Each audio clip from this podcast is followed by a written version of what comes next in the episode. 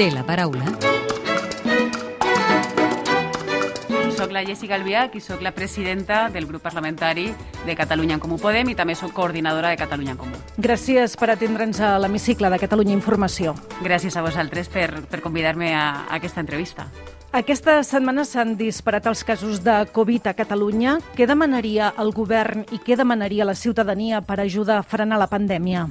Doncs al govern li demanem que tots aquells aplaudiments que van veure durant tots els mesos eh, més durs eh, de la pandèmia, els de la primavera, doncs es converteixin en recursos, en blindar sobretot la sanitat pública. Estem veient també com hem passat unes setmanes i ara mateix també s'està patint, ni ha vaga dels metges residents, dels MIRS, ni ha vaga també dels metges de, de primària a través del sindicat de metges, la gent del transport sanitari, estan esgotats, estan al límit, per tant el que li demanaríem al govern és que blinde amb recursos públics, amb finançament, doncs, tots aquests serveis. I per un altre costat a la ciutadania doncs, seguir insistint en aquesta necessitat de sacrificis que hem de fer entre totes. Aquesta legislatura ja està enfilant la recta final. Les eleccions a Catalunya seran en principi el 14 de febrer. Com definiria aquesta legislatura?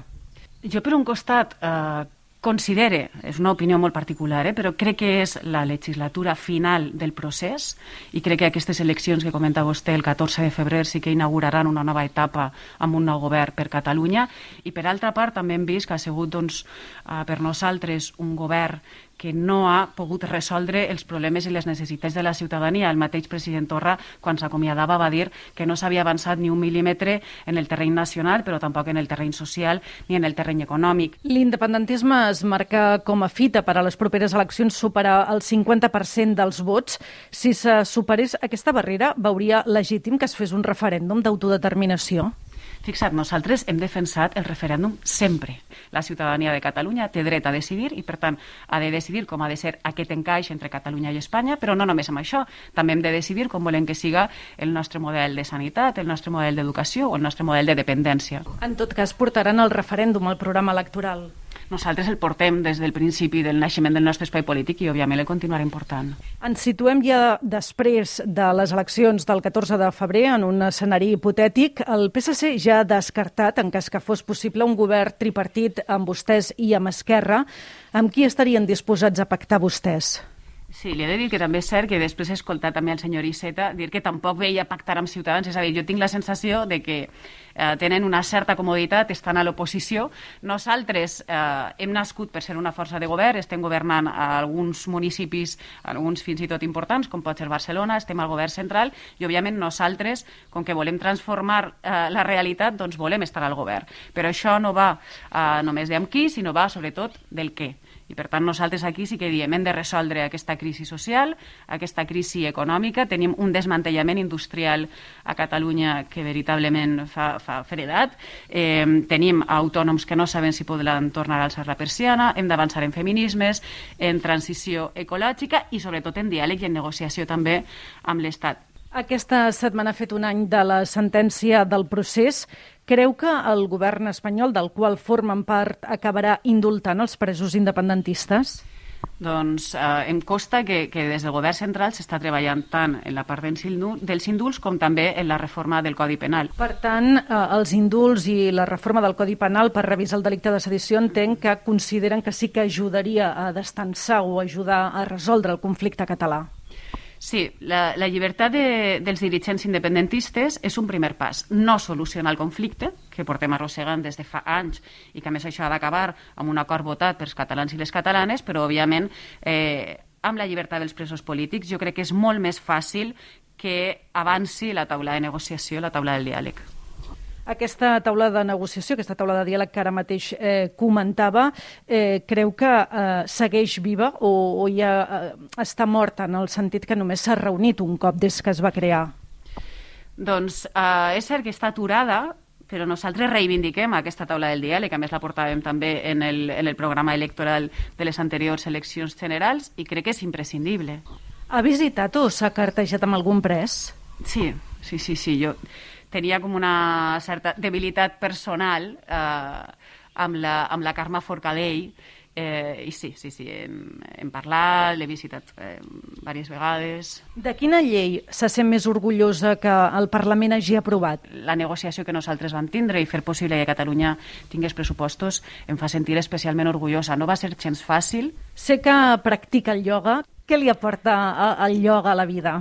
M'aporta aquests moments de poder aturar-te, de poder tindre la ment en blanc, de desconnectar, uh, de trobar-te a tu mateixa i sobretot de no perdre de vista quines són les prioritats. De petita eh, es va criar entre dones, la mare, la tieta, l'àvia i la besàvia. Com li ha influït això? Són dones eh, valentes, però sempre invisibilitzades, eh, sempre aguantant, no? sent el pilar de la família, de manera sacrificada, de manera discreta, tirant tot endavant, a més treballant dins i fora. I, i jo crec que m'ha influït a tindre bueno, aquesta empatia, i a mi me fa molta ràbia quan hi ha gent que diu que les dones competim entre nosaltres. Eh, per mi, eh, la sororitat, la fraternitat entre nosaltres és clau. D'on li ve la seva debilitat per les tortugues?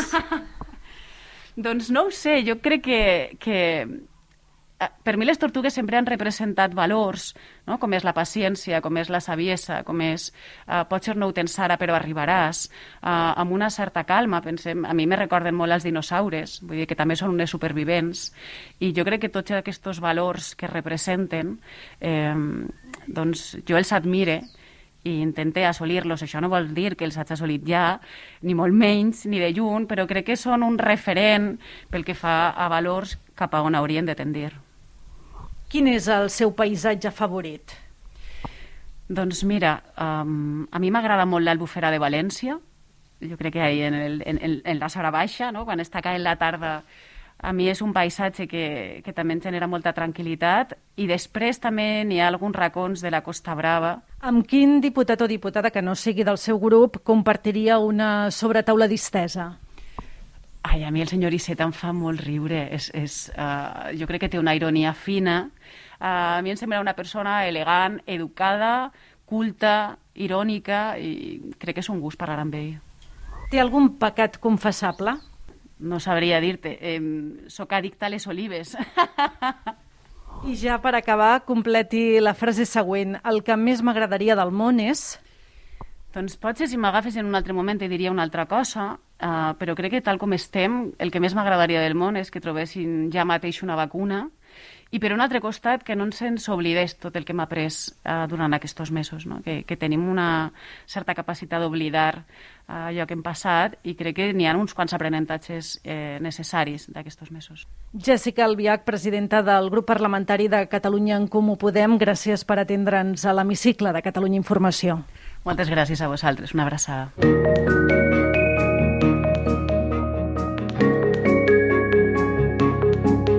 Podeu tornar a escoltar l'hemicicle al web catradio.cat barra hemicicle o al podcast del programa i seguir l'actualitat del Parlament al perfil de Twitter arroba L-hemicicle.